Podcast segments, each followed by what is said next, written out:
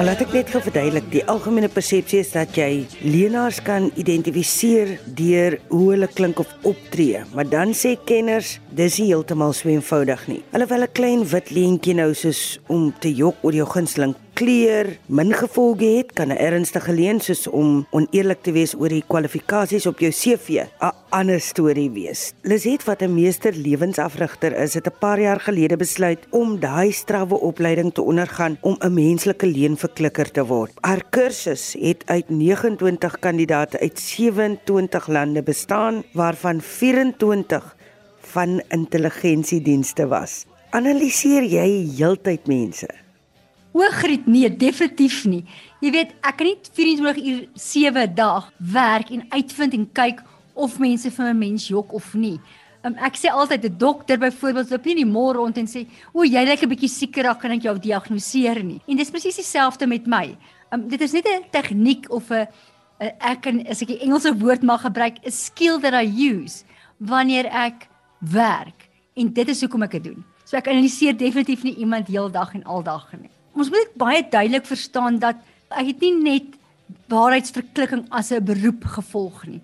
Waarheidsverklikking is deel van my pakket wat ek aanbied as 'n geheel as meester lewensafrigter, um, 'n meester NLP praktisyn, 'n 'n keynote speaker, um, 'n opleidster en daai tipe goed. So dit was 'n aanvulling vir my. Ek wil graag seker maak dat as iemand een van my kliënte voor my sit, dat ek seker maak dat daai persoon die waarheid praat want baie keer is ons vernederd oor ons verlede. Ons voel nie gemaklik met wie ons is nie.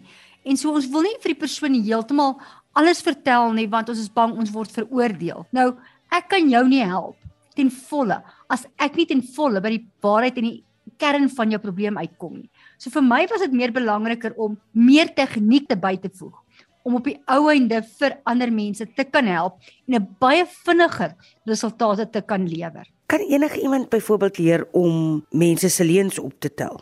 Ja, verseker, daar's 'n baie baie klein persentasie van mense wat natuurlik dit kan optel. En as ek praat van klein, dit is onder 5% van die wêreld wat dit kan regkry almal kan op 'n kursus gaan en jy dit hang af van watter intensiewe kursus jy wil gaan. Ek doen byvoorbeeld 'n 2 dag werkswinkel wat sê I can spot your lie en ek leer jy die basiese beginsels van hoe om dit te kan leer. Maar ja, enige persoon wat in dit belangstel kan leer hoe om te begin optel hoe mense jok.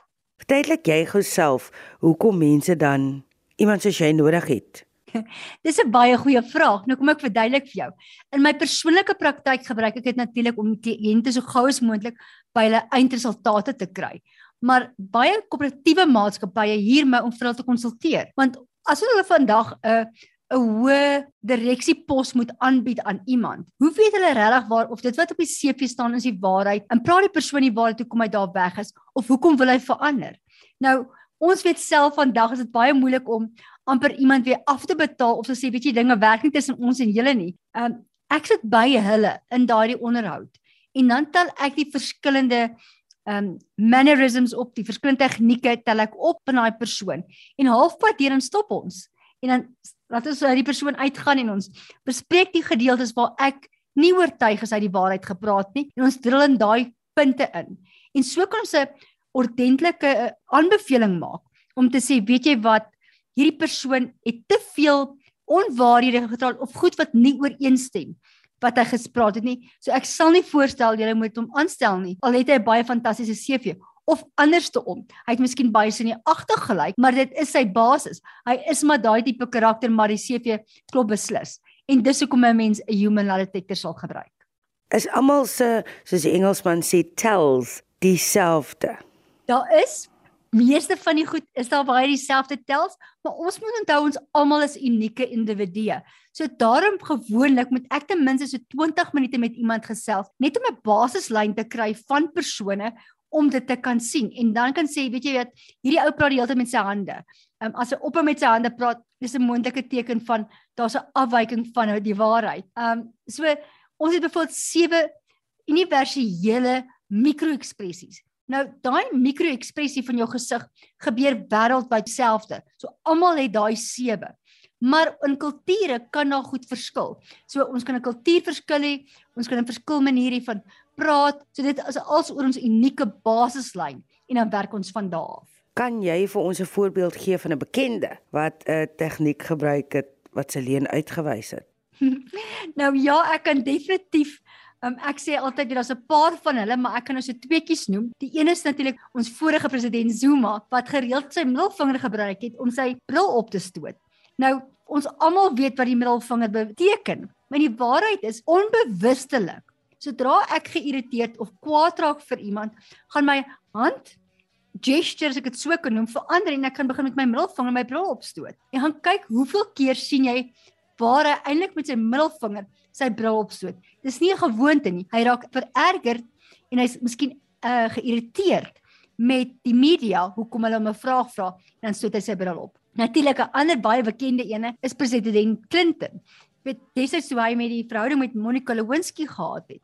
Nou, sodra ons jok, probeer ons ons taalgebruik skuif. Dit wil sê ons taalgebruik verander 'n bietjie. Ons manier hoe ons daaroor praat verander. So wat hy gedoen het is in plaas van om te sê, nou hy het natuurlik Monica Lewinsky baie goed geken. Toe hulle hom vra of hulle enige seksuele verhouding met Monica Lewinsky gehad het. So die normale waarheid antwoord sou gewees het: "Nee, ek het nog nooit met Monica enige seksuele verhouding gehad nie." But I want to say one thing to the American people. I want you to listen to me. I'm going to say this again.